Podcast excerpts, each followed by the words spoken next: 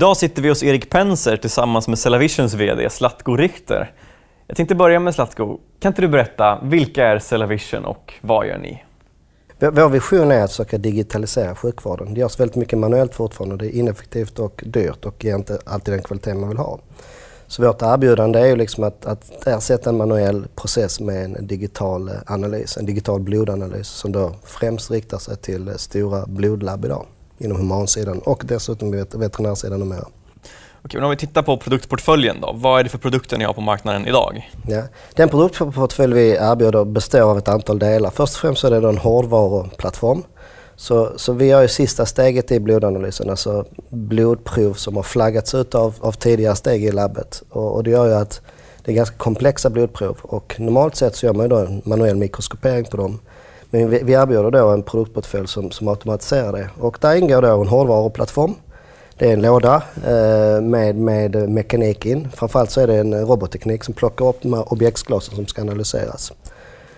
Sen har vi också eh, applikationer eh, som, som mjukvaruapplikationer som klarar av att när man väl har tagit bilden på den här eh, blodprovs, eh, det här objektsglaset så bör man i, i vårt fall försöka analysera vita och röda blodkroppar. För det är det som till syvende och sist ger en diagnos, eh, vilken typ av sjukdom det är patienten har, om de har det.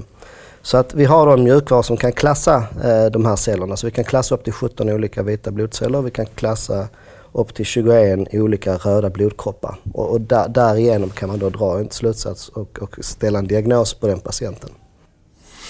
Okej, men, men det, det, är enbart de här maskinerna ni säljer eller finns det några förbrukningsartiklar som också följer med? Eller? Mycket förbrukningsartiklar. Det som finns är lite reservdelar där är lite någon, någon olja och så. Men i, i botten, grund och botten är det en hårdvaruplattform med mjukvara i. Sen kan vi sälja lite mjukvaruapplikationer men jag skulle fortfarande inte kalla det för uh, förbrukningsartiklar. Okej, okay, men de här, de här maskinerna vill man ju förstås sälja till hela världen för att få stora volymer och skalfördelar. Hur ser strategin ut där? Vilka försäljningskanaler använder ni er av? Vi har då valt att gå indirekt eh, för att vi är en del av en helhetsleverans. Eh, när, när, när ett blodlabb bestämmer sig för att byta ut sin utrustning så byter de ofta ut hela eller nästan alltid hela utrustningen. Där ingår också våra partners, våra distributörers utrustning. Och det är då framförallt cellräknare och hela linor som ska automatisera det. Så att du stoppar in ett prov i ena änden och så får du ut all statistik och du kan hantera tusentals prov varje dag automatiskt. Så att vi ingår i deras, eh, i deras liksom installation, kanske är 10-15% av det, dess värde. Så att om det är 10-15 miljoner så är det 1-1,5 miljon som är vi i den, hela den installationen. Så därför har vi valt att gå in direkt. Vi har Sysmex, Beckman, Siemens och Abbott som våra huvudpartners. Och de har tillsammans en marknadsandel på långt över 90% i världen idag. Så att vi har en icke-exklusiv avtal med alla dem. Och det är vår huvudstrategi att, att, att se till att att, att, att hjälpa dem att lyckas liksom med våra produkter också. Och de har ungefär 2000 säljare runt om i världen idag som vi på olika sätt försöker se till att vi också är med på, på dem. Och, och, vad vi också gör är att vi ser till att vi har, inte säljare, men vad vi kallar för marknadssupport ute på fältet, ute i regionerna som driver vårt case, som skapar uh, customer awareness, uh, som skapar liksom en, en, en pull-effekt ute hos kunden men också ser till att vi håller våra distributörer i handen, vi är med och pitchar, vi är med där liksom när affären görs. Men sen är det de som gör själva den kommersiella transaktionen och sen ingår vi då i själva installationen. Eh, ni är väldigt stora i, i, Amerika vad jag förstår och i Nordamerika så har ni nu haft en, en negativ tillväxt i lokal valuta de sista fyra kvartalen. När, när vänder trenden tillbaka upp igen? Ja, det, det, är, det är en bra fråga. Det här är liksom någonting som vi brottas med hela tiden för att vi har en ganska slagig affär. Vi är ju, som du frågade precis innan så har vi inte så mycket förbrukningsartiklar så att vi säljer kapitalvaror inom, inom sjukvården. Och tittar man på ett enskilt kvartal eller till och med ibland ett par enskilda kvartal. Så det kommer alltid gå upp och ner. Eh, vi, har haft, vi har haft tidigare haft en väldigt stark tillväxt i USA, nu har det varit några kvartal med lägre tillväxt. Nu har liksom Europa och Asien istället kompenserat för det. Så att där är liksom vår naturliga, vår naturliga liksom resa. Vi har ett mål att växa med 15 procent över vad vi kallar för en ekonomisk livscykel. Så snitt, snitt av ett antal år så ska det vara 15 procent om året organisk tillväxt. Och det är liksom den strategin vi, vi går efter. Och tittar man per region och per, per land och så vidare så kommer vi se en viss slagighet. Och det kan vara ett, det kan vara flera kvartal. Men på sikt ser vi en underliggande möjlighet att växa 15 procent. Okej. Jag har också sett att ni har fått en stor order, eller två stora order från veterinärmarknaden. Eh, ska vi kunna förvänta oss fler av de här eller var de av engångskaraktär? Vad kan du säga om veterinärmarknaden? Man kan titta på veterinärmarknaden. Om, om man tittar på humansidan så har vi ungefär 15 000 stora labb idag som, som vi adresserar med våra produkter. ungefär 12 procents penetration på den marknaden. Det vill säga, vad blir det, knappt 20 procent, Eller knappt, knappt 2000 installationer av 15. Eh, tittar man på veterinärmarknaden, och man tittar också, tar ett litet stopp till på humansidan, så växer hematologiområdet idag med ungefär 1-2% globalt. Så det är liksom den marknaden vi adresserar och det är vår historiska kärn, kärnmarknad. Flyttar vi då över oss till veterinärmarknaden så upptäckte vi för några år sedan att även hund och kattblod och andra sällskapsdjur, det görs mer och mer analyser. Man vill veta, som, som hund eller kattägare så, så spenderar man mer och mer tid och mer och mer pengar. Ibland tar man bättre hand om sina husdjur än sina egna barn eh, för, att, för att se till att de har det bra och lever länge och lever väl och mår väl. Så vi har sett ett stort intresse. Vad vi upptäckte också är att vi har ju en utrustning eller en, en, en offering så att säga, som också passar veterinärsidan. Däremot fick vi göra ett antal anpassningar för att bli riktigt attraktiva där. Framförallt så fick vi ju se till att vår mjukvara kan klassa hund och kattblod, vilket är väldigt relevant i, i, i veterinärsegmentet. Vi kämpar med det ganska länge och vi ser nu att det finns, det har skapats liksom, från att vara en väldigt fragmenterad marknad. Eh, veterinärmarknaden är ganska ny och den håller på att konsolideras. Vi ser bara här i, i Norden hur Evidensia och Anicura konsoliderar den marknaden med att köpa upp smålabb och försöka hitta liksom en stordriftsfördelar. Det har redan då skett borta i USA och där lyckades vi då få en av de här två stora kedjorna att, eh, att då förvärva vår utrustning. Och vi fick en första möjlighet här i Q4 förra året där de köpte in ett antal eh, enheter från oss. Vi installerade dem i Q1 i år och hade efter en del inkörningsutmaningar fick vi ordning på det. Vad som hände i Q1 var att de blev väldigt nöjda och då så till de och la på en order till så att vi har täckt hela deras eh, klinikkedja nu. Eh, Sen är alltid frågan när kommer nästa veterinäraffär? Vi har, det finns ett antal stora spelare, kanske 7-8 stycken runt om i världen idag och det blir fler och fler för att den här marknaden växer kanske 68% istället för 2 Och det är ett stort intresse. Så att den kanske är var humansidan är idag. Kanske vi hittar veterinärsidan om 10 år. Så att vi vill vara med på den resan. Men det är otroligt svårt att liksom förutspå exakt när, var och hur vi får en, en nästa order. Däremot pratar vi med alla de här stora kedjorna. Vi visar dem liksom vi visar dem vår, vår, vår utrustning. Det som gör oss starkare nu än tidigare är att vi har en väldigt bra referensinstallation och en väldigt nöjd kund. Och vi liksom utgår från den som nästa steg. Det sägs ju att Cellavision har nästan hela marknaden inom det segmentet man agerar inom. Mm. Vad finns det för konkurrerande tekniker? Vart någonstans finns hoten mot Cellavision? Just i dagsläget så är det inte speciellt många utan vi har ju några spelare som är lokala som vi har sett i princip backa ur till och med. För att för att lyckas med, med digital mikroskopering inom, inom vårt, vårt, område så är det så att de bilderna vi tar och visar på skärmen måste vara minst lika bra eller bättre än det ögat ser i ett mikroskop. Annars kommer aldrig ett labb gå över och börja använda eh, digital utrustning. Och det har vi efter mycket blod och svett lyckats åstadkomma. Eh, nu är det tio år sedan vi lyckades med det, men, men då gjorde vi det. Och våra så kallade konkurrenter har inte riktigt lyckats komma dit hittills. Och det gör ju att de har ju stora utmaningar. Så vi ser inte egentligen någon annan ute, på mark- ute kommersiellt. Vi ser dem på mässor och så men när vi står ute och ska göra kommersiella affärer tillsammans med vår partner så är det i princip bara vi som är där. Så antingen väljer man manuell mikroskopering eller oss. Tittar man då på lite sikt så är det ett antal spelare som, som rör på sig. Vi har Roche som har investerat ganska mycket i något som heter Bloodhound. Som är en teknologi som i princip ersätter hela blodlabbet. Vi är bara en liten del av det så att säga, men inklusive oss. Så att det är väl de som håller på att utveckla. Det, det skulle varit något ute på marknaden eh, i år men, men de, de ställde in den customer trial och sa att de återkommer nästa år. Så att, och det är väldigt svårt att titta in i andras rd portfölj så att säga. Det är ju lite hemligt så att man har inte full koll. Men de har visat utrustning på mässor någon gång men vi har aldrig sett den ute i fältet och sett hur den fungerar.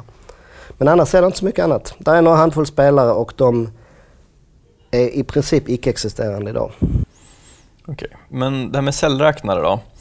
Sysmex som du nämnde, som är en av era största distributörer, säljer ju det här som kallas cellräknare. Kan inte du förklara vad en cellräknare är och hur det skiljer sig mot era produkter för blodanalys? Då får vi gå in i blodlabbet och man tittar på vad, som, vad som händer är att det görs ungefär 4 miljarder blodprov varje år i världen.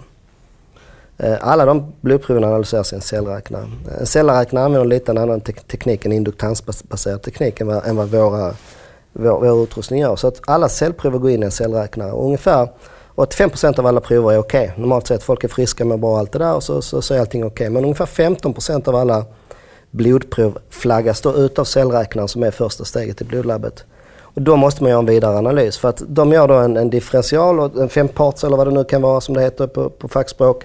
Och där, där tittar de på liksom vilka vita blodceller har du. Är det något onormalt i det blodprovet så flaggas det ut från cellräknaren.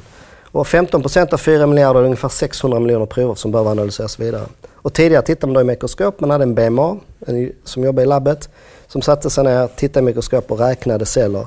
Och ur fördelningen av de vita blodcellerna så kan man ofta se vilken blodsjukdom eller vilken sjukdom patienten har. Och det är det vi då har tagit över i andra steget. Så att numera i ett blodlabb som har vår utrustning så har du då cellräknaren kvar.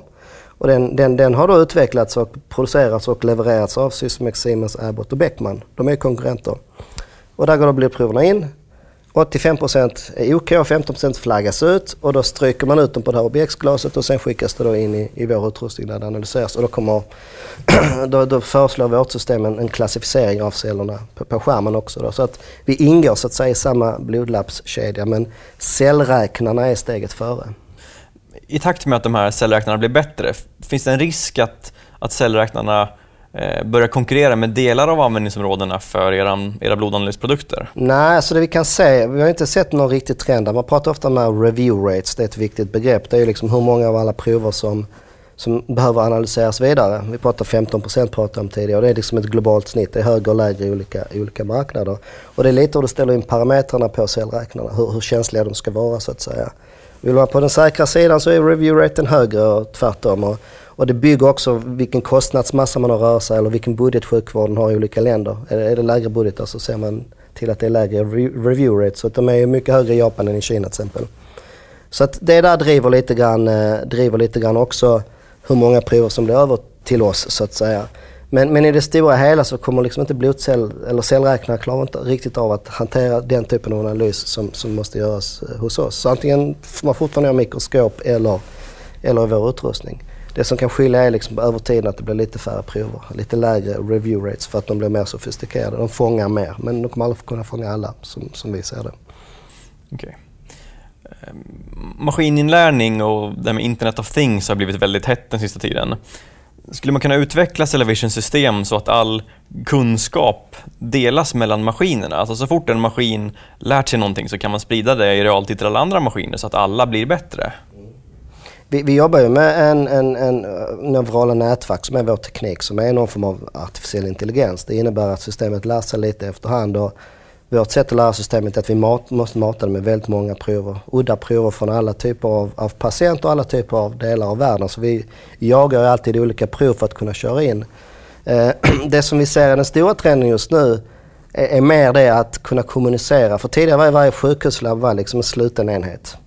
Jag är från Skåne så Malmö var liksom en värld och Lund var en annan värld. Och, och vad vi ser nu är att man mer och mer samarbetar men vi ser också en privatisering i många länder. Att det skapas stora blodlappskedjor. Och de vill ju gärna kunna kommunicera. För nästa steg att effektivisera det är inte att du, du kan ju först liksom, när vi har utrustning kommer in i labbet så kan man ofta dra ner lite på personalen eller frigöra folk för att vi gör mycket det som gjordes manuellt. Men i nästa steg vad du kan göra är att börja koppla ihop många labb och då kan du i princip ha personalen på ett ställe. Och de kan ju liksom titta på, i och med att eh, digitala bilder kan du plocka upp var som helst och det är en av de stora fördelarna med vårt system.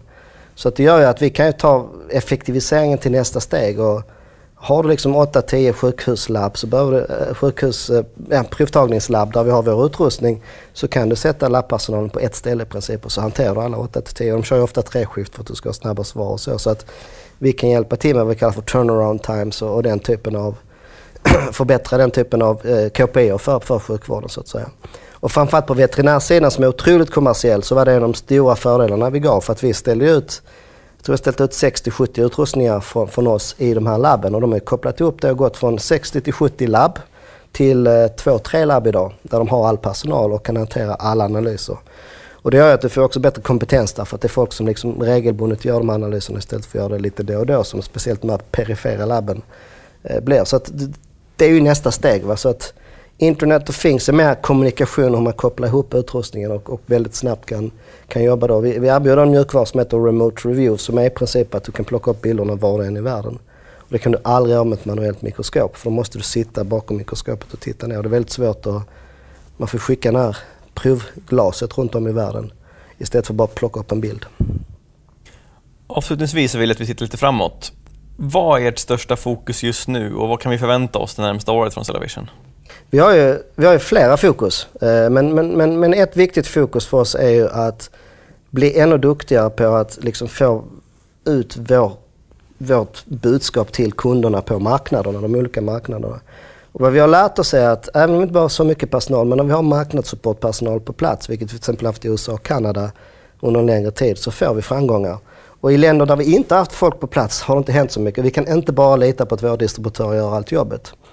Och, och vad vi har nu tittat på är att eh, ha en ganska aktiv strategi där vi ska försöka etablera oss i lite fler regioner. Och vad vi gjorde i somras var att vi etablerade ett kontor i Shanghai och nu har vi också liksom skapat en Asia Pacific organisation. Kina och Japan har varit det kortsiktiga fokuset men vi tittar nu också på andra länder i, i den regionen. Vi har Korea, Japan och det finns många fler. Det är en ganska snabbt växande ekonomi och det byggs mycket sjukhus. Ett annat spännande område för oss är är Mellanöstern. Och där håller vi just nu på att etablera, vi kommer ganska snart etablera ett kontor i Dubai och sätta liksom en egen, eget folk på plats. Och deras roll är lite grann att hjälpa, hjälpa distributörerna att lyckas. Eh, och utbilda dem och så vidare. Så se till att liksom vi är med så att de inte glömmer oss. För att vi måste sätta, deras comfort zone måste vara att sälja våra produkter också. Och nu tittar vi liksom ytterligare regioner. Så att vi är ganska starka i delar av Västeuropa och Nordamerika. Men annars är vi icke-existerande i princip i många andra, många andra delar av världen. Så då har vi en fantastisk möjlighet att liksom ta existerande portfölj och sprida den bättre. Vi har ju också upptäckt att det finns ett stort segment som vi inte adresserar idag inom humansidan. Det är de här 15 000 labben vi pratade om innan, det är de som har liksom råd att köpa vår utrustning som den är idag. Men det finns ungefär 100 000 labb som är mindre eller mindre och medelstora som vi inte adresserar idag, som hade haft nytta av vår teknik fast på ett annat sätt kanske. Fortfarande kunna koppla ihop den, göra samma klassificering och allt det vi pratade om tidigare. Men som kanske inte har lika många prov om dagen och därmed inte behöver samma automatisering. Så vi håller på att ta fram en teknikplattform eh, för just det segmentet. Och det kommer också vara liksom lägre prissatt, kanske en tredjedel, en fjärdedel av det som är... Idag kostar vår utrustning ungefär 1 till 1,5 miljoner som jag pratade om tidigare för slutkunden. Och så får man dela det med 3-4. Och då är vi helt plötsligt inne i ett nytt segment som idag föredrar manuell mikroskopering eh, men, men, som hade haft nytta av oss om vi hade haft liksom rätt prisklass. Så vi försöker också bredda oss liksom marknadssegmentmässigt, så geografiskt och marknadssegmentmässigt. Så det är också fokus på innovation och se till att vi tar fram en, en, en, en bra plattform för just det segmentet som, som är attraktivt. Och sen är det veterinärsidan som är lite mer opportunistisk som är det tredje fokusområdet där, där vi nu har liksom disk pågående diskussioner med stora spelare. Vi kommer liksom försöka ta steg för steg. Men det är väldigt svårt att spå exakt när, var och hur eh, någonting mer händer där. Men, men det är liksom, vi har, vi har satt en fot, vi har fått in en fot i, i dörren i det området också och kommer försöka driva det vidare. Så det är väl den här kort och mellanlånga agendan, liksom, en ganska operativ agenda och försöka liksom jobba vidare eh, och, och bredda oss där vi är så att säga. Spännande. Det tycker jag. Med det vill jag tacka dig för att du ville komma hit Zlatko och framförallt lycka till framöver. Tack så mycket. Tack.